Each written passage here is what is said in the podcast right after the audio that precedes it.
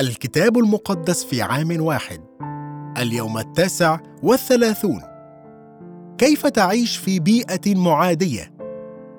هرب مئات الآلاف من المسيحيين من العراق وسوريا من وسط الإرهاب والصراع الإسلامي. يواجه المسيحيون تهديد التعذيب الممنهج والقتل بالجملة. أعلنت دولة الإسلام في العراق والشام داعش أن المسيحية هي عدوها الأول. يعيش الملايين من المسيحيين في بلاد يضطهدون فيها من أجل إيمانهم. تحاول الكثير من الحكومات أن تسيطر على نمو الكنيسة. حتى في البلاد التي فيها مسيحية تقليدية توجد عدائية متزايدة تجاه المسيحية النشطة النابضة بالحياة. روح العداء تجاه شعب الله ليست امرا جديدا. يشعر الناس بالتهديد غالبا من النجاح والنمو والأعداد الكبيرة. ربما تواجه روحا عدائية في مكان عملك أو حتى في عائلتك بسبب إيمانك. لا تسلط قراءات اليوم الضوء فقط على حقيقة العيش في بيئة معادية بل وتشير أيضا إلى كيفية العيش والبقاء على قيد الحياة. بل والنمو في وسط مثل هذه البيئة العدائية. المزمور التاسع عشر من عدد واحد إلى عدد ستة. السماوات تحدث بمجد الله والفلك يخبر بعمل يديه. يوم إلى يوم يذيع كلاما وليل إلى ليل يبدي علما. لا قول ولا كلام لا يسمع صوتهم. في كل الأرض خرج منطقهم وإلى أقصى المسكونة كلماتهم. جعل للشمس مسكنا فيها وهي مثل العروس الخارج من حجلته. يبتهج مثل الجبار للسباق في الطريق. من أقصى السماوات خروجها ومدارها إلى أقاصيها ولا شيء يختفي من حرها.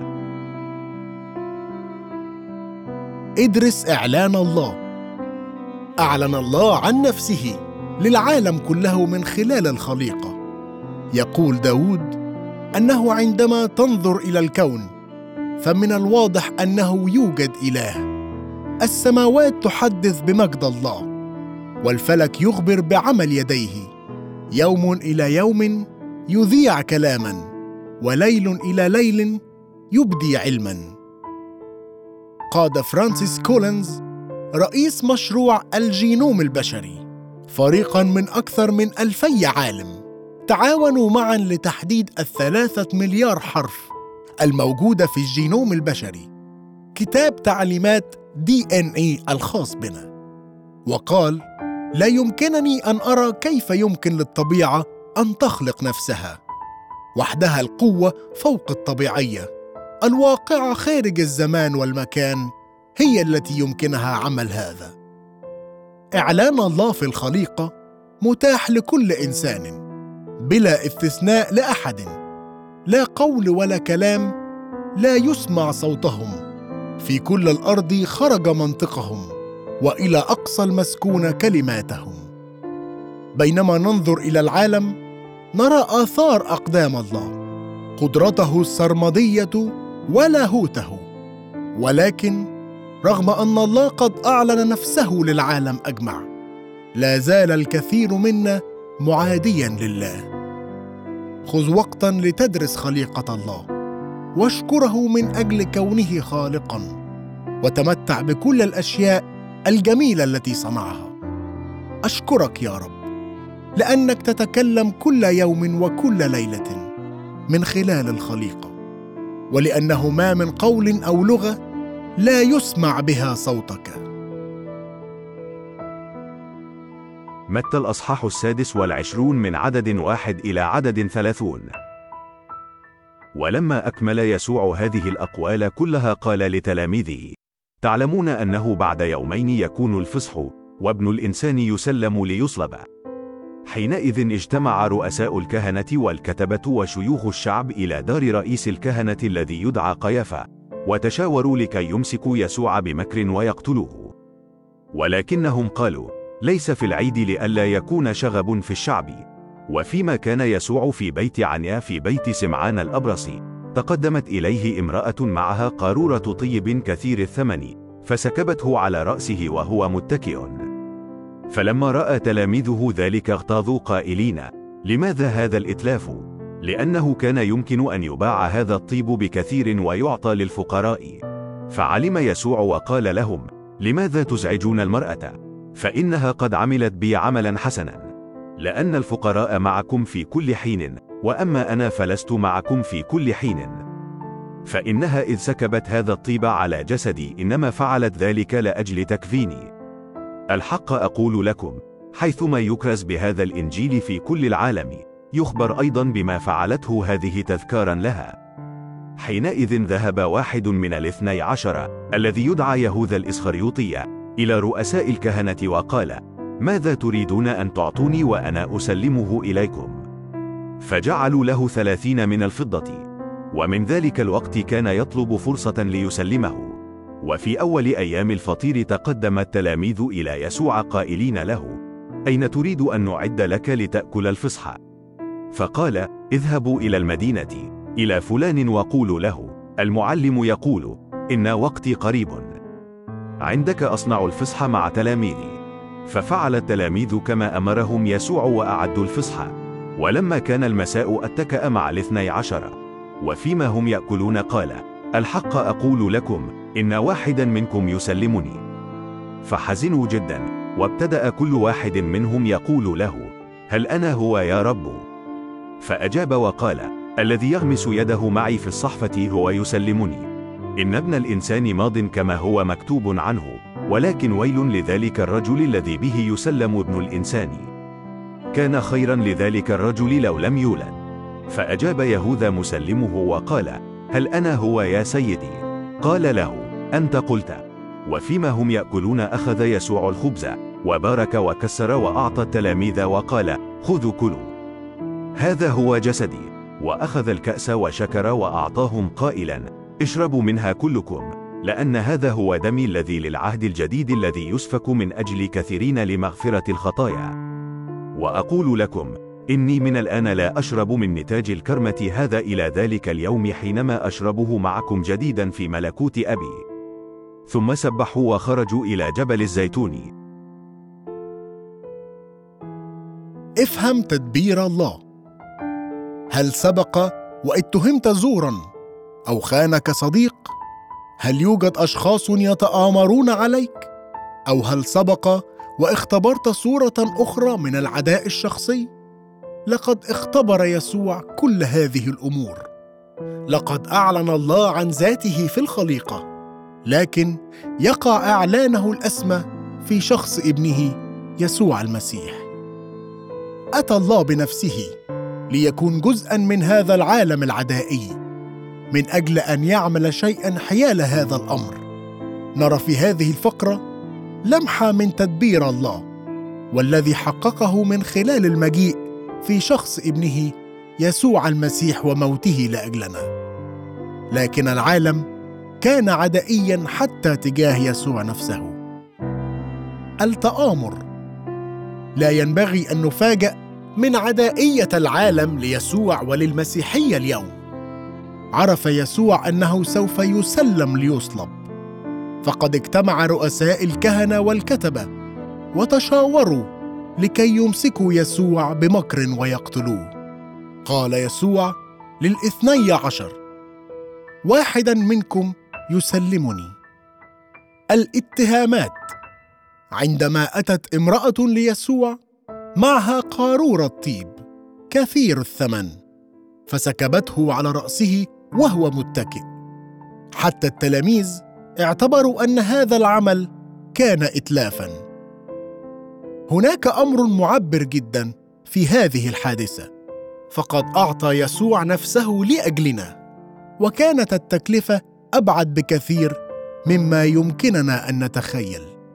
وكان موته وشيكا. فقارورة من عطر غالي الثمن هي مناسبة بالكاد. ومع هذا يتجادل التلاميذ حول الإتلاف. يفهم معظم الناس أعمالك ذات التصرف الخاص.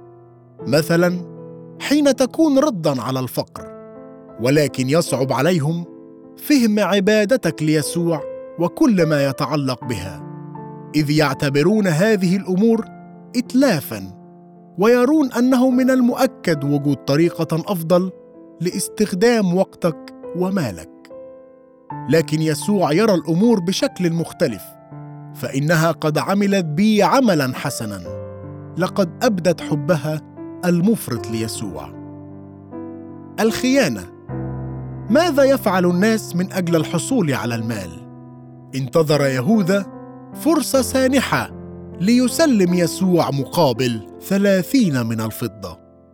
من الصعب مجرد تخيل كم كان هذا مؤلما ليسوع. كان يهوذا واحدا من أقرب أصدقائه واحدا من الدائرة الداخلية واحدا من الاثني عشر الذين اختارهم لكنه عرف أن واحدا منكم يسلمني. لكن يسوع في محبته الفائقة بدلا من أن يرفضهم كلهم يموت من أجلهم. وأثناء الأكل معهم يبدأ يفسر لهم معنى موته ويشرح من خلال كسر الخبز وشرب الخمر أن دمه يسفك من أجل كثيرين لمغفرة الخطايا. كانت إجابة يسوع على عالم معاد له هو أن يصلب لكي يجعل الغفران والفداء ممكنين. في كل مرة تتناول فيها الإفخارستية يتم تذكيرك بكل من عدائية العالم تجاه يسوع ومحبته لنفس هذا العالم. أشكرك يا رب لأجل مثالك غير العادي عن كيفية العيش في بيئة معادية. أشكرك لأنك مت لتجعل الغفران والفداء ممكنين. الخروج الأصحاح الأول. وهذه أسماء بني إسرائيل الذين جاءوا إلى مصر. مع يعقوب جاء كل إنسان وبيته رأوبين وشمعون ولوي ويهوذا ويساكر وزبولون وبنجامين ودان ونفتالي وجاد وأشير. وكانت جميع نفوس الخارجين من صلب يعقوب سبعين نفسا. ولكن يوسف كان في مصر. ومات يوسف وكل إخوته وجميع ذلك الجيل. وأما بنو إسرائيل فأثمروا وتوالدوا ونموا وكثروا كثيرا جدا. وامتلأت الأرض منهم. ثم قام ملك جديد على مصر لم يكن يعرف يوسف. فقال لشعبه هوذا بنو إسرائيل شعب أكثر وأعظم منا. هلم نحتال لهم لئلا ينمو. فيكون إذا حدثت حرب أنهم ينضمون إلى أعدائنا ويحاربوننا ويصعدون من الأرض. فجعلوا عليهم رؤساء تسخير لكي يذلوهم بأثقالهم. فبنوا لفرعون مدينتي مخازن في ثوم ورعمسيس ولكن بحسب ما أذلوهم هكذا نموا وامتدوا. فاختشوا من بني إسرائيل. فاستعبد المصريون بني إسرائيل بعنف ومرروا حياتهم بعبودية قاسية في الطين واللبن وفي كل عمل في الحقل.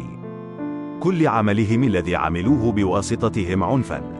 وكلم ملك مصر قابلتي العبرانيات اللتين اسم إحداهما شفرة واسم الأخرى فوعة. وقال حينما تولدان العبرانيات وتنظرانهن على الكراسي. إن كان ابنا فاقتلاه وإن كان بنتا فتحيا. ولكن القابلتين خافتا الله ولم تفعل كما كلمهما ملك مصر بل استحيت الأولاد. فدعا ملك مصر القابلتين وقال لهما لماذا فعلتما هذا الأمر واستحييتما الأولاد؟ فقالت القابلتان لفرعون إن النساء العبرانيات لسن كالمصريات فإنهن قويات يلدن قبل أن تأتيهن القابلة. فأحسن الله إلى القابلتين ونمى الشعب وكثر جدا.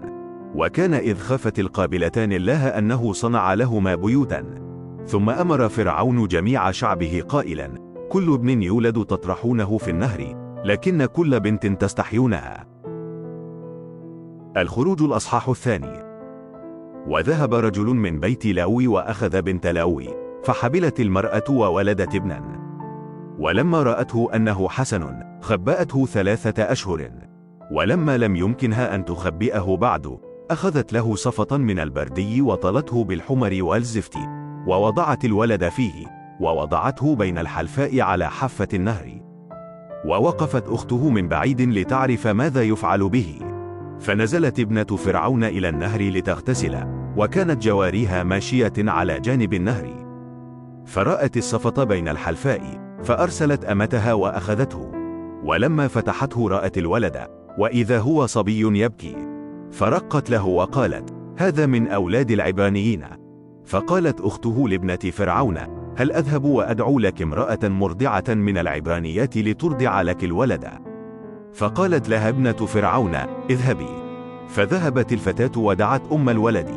فقالت لها ابنة فرعون اذهبي بهذا الولد وأرضعيه لي وأنا أعطي أجرتك. فأخذت المرأة الولد وأرضعته. ولما كبر الولد جاءت به إلى ابنة فرعون فصار لها ابنا. ودعت اسمه موسى وقالت إني انتشلته من الماء. وحدث في تلك الأيام لما كبر موسى أنه خرج إلى إخوته لينظر في أثقالهم. فرأى رجلا مصريا يضرب رجلا عبرانيا من إخوته. فالتفت إلى هنا وهناك ورأى أن ليس أحد فقتل المصري وطمره في الرمل ثم خرج في اليوم الثاني وإذا رجلان عبرانيان يتخاصمان فقال للمذنب لماذا تضرب صاحبك؟ فقال من جعلك رئيسا وقاضيا علينا؟ أمفتكر أنت بقتلي كما قتلت المصرية؟ فخاف موسى وقال حقا قد عرف الأمر فسمع فرعون هذا الأمر فطلب أن يقتل موسى فهرب موسى من وجه فرعون وسكن في أرض مديان وجلس عند البئر. وكان لكاهن مديان سبع بنات فأتينا واستقينا وملأنا الأجران ليسقين غنم أبيهن.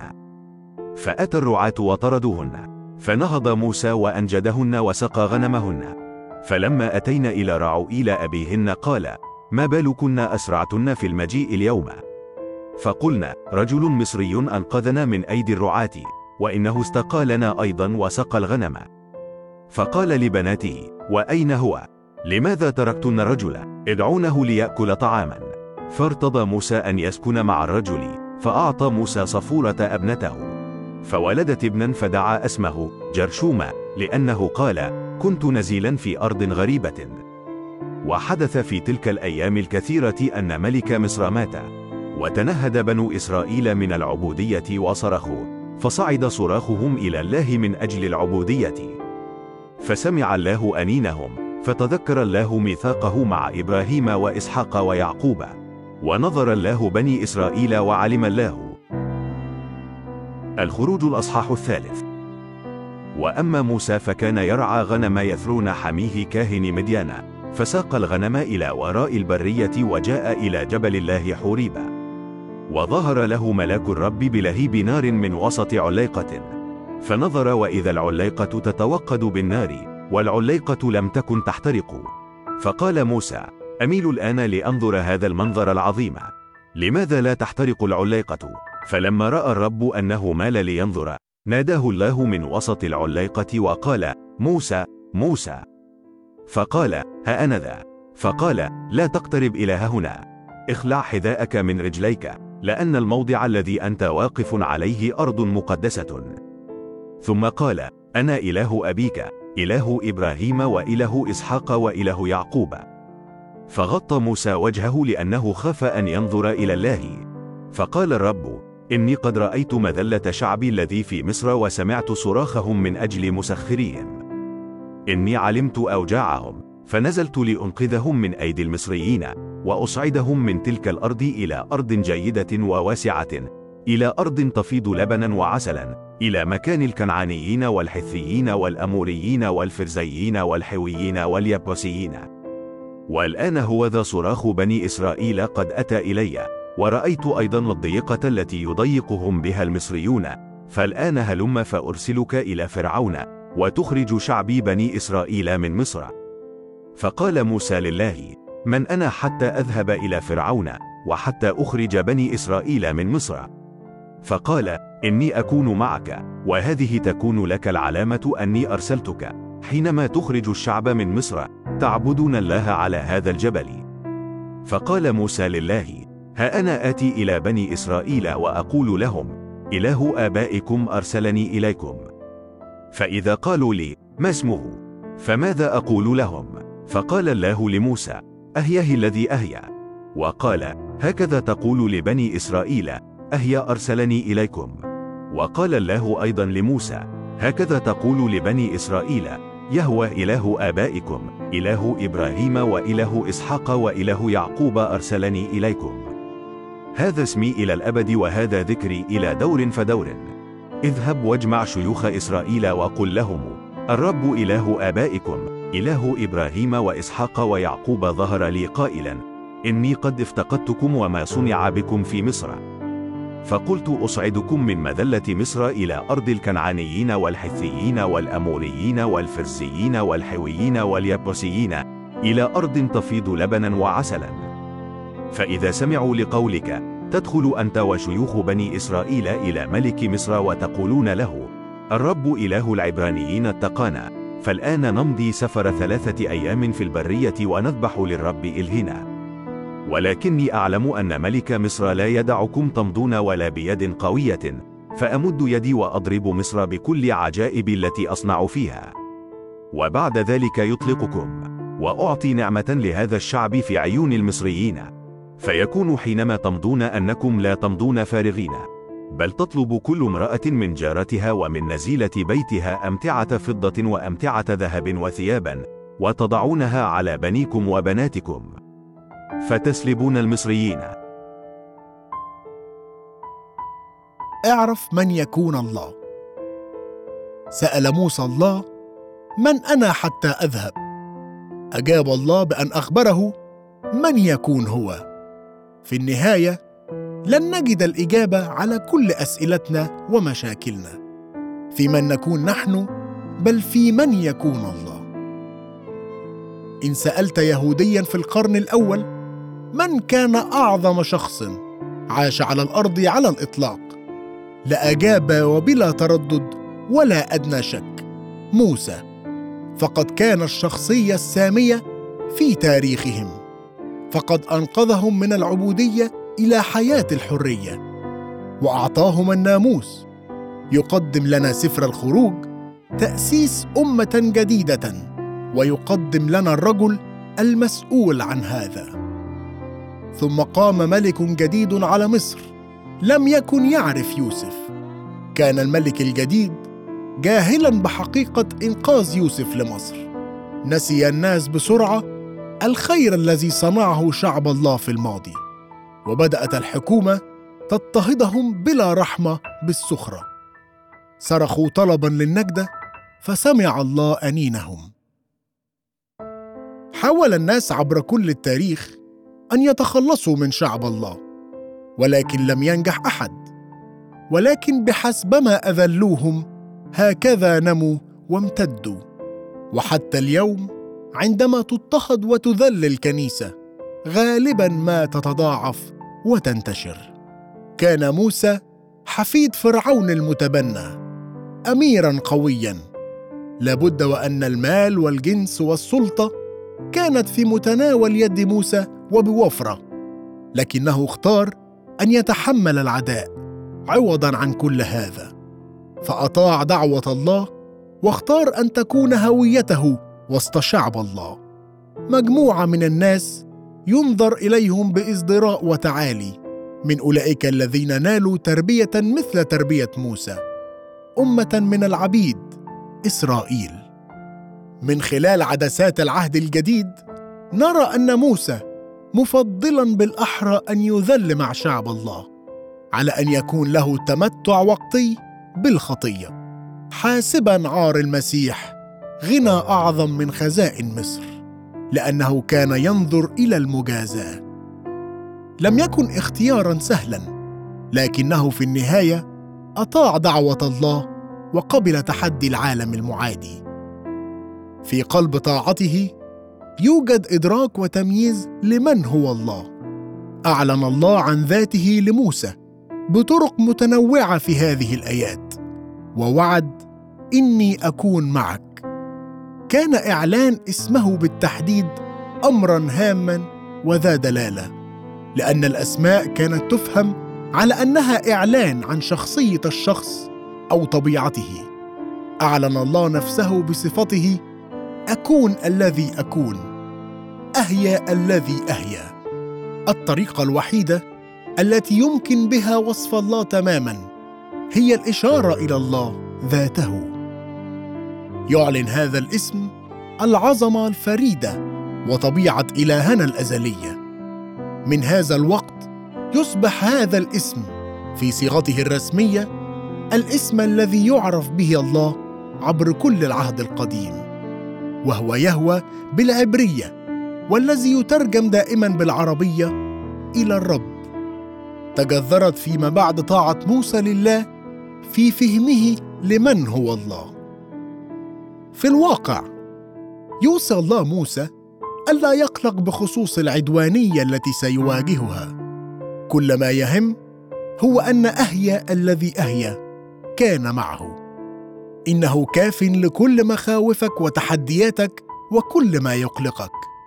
عندما تعرف أن اهيا الذي اهيا معك يمكنك أن تسترخي وتكون في سلام.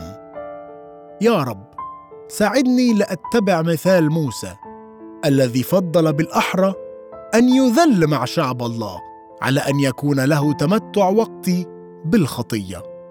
ساعدني لكي أكون حاسبا عار المسيح غنى أعظم من أي شيء يمكن أن يعرضه هذا العالم العدائي. يدين موسى بحياته لخمسة سيدات تتصفن بالشجاعة. شفرة وفوعة اللتان تحدتا فرعون وأنقذتا حياة المئات من الأطفال الذكور. أخت موسى مريم والتي تصرفت بذكاء في إحضارها لأم موسى لترضعه. أم موسى والتي مررت إيماناً عظيماً لأولادها الثلاثة موسى وهارون ومريم. والأكثر إثارة للمفاجأة ابنة فرعون التي رقت لموسى وأنقذته.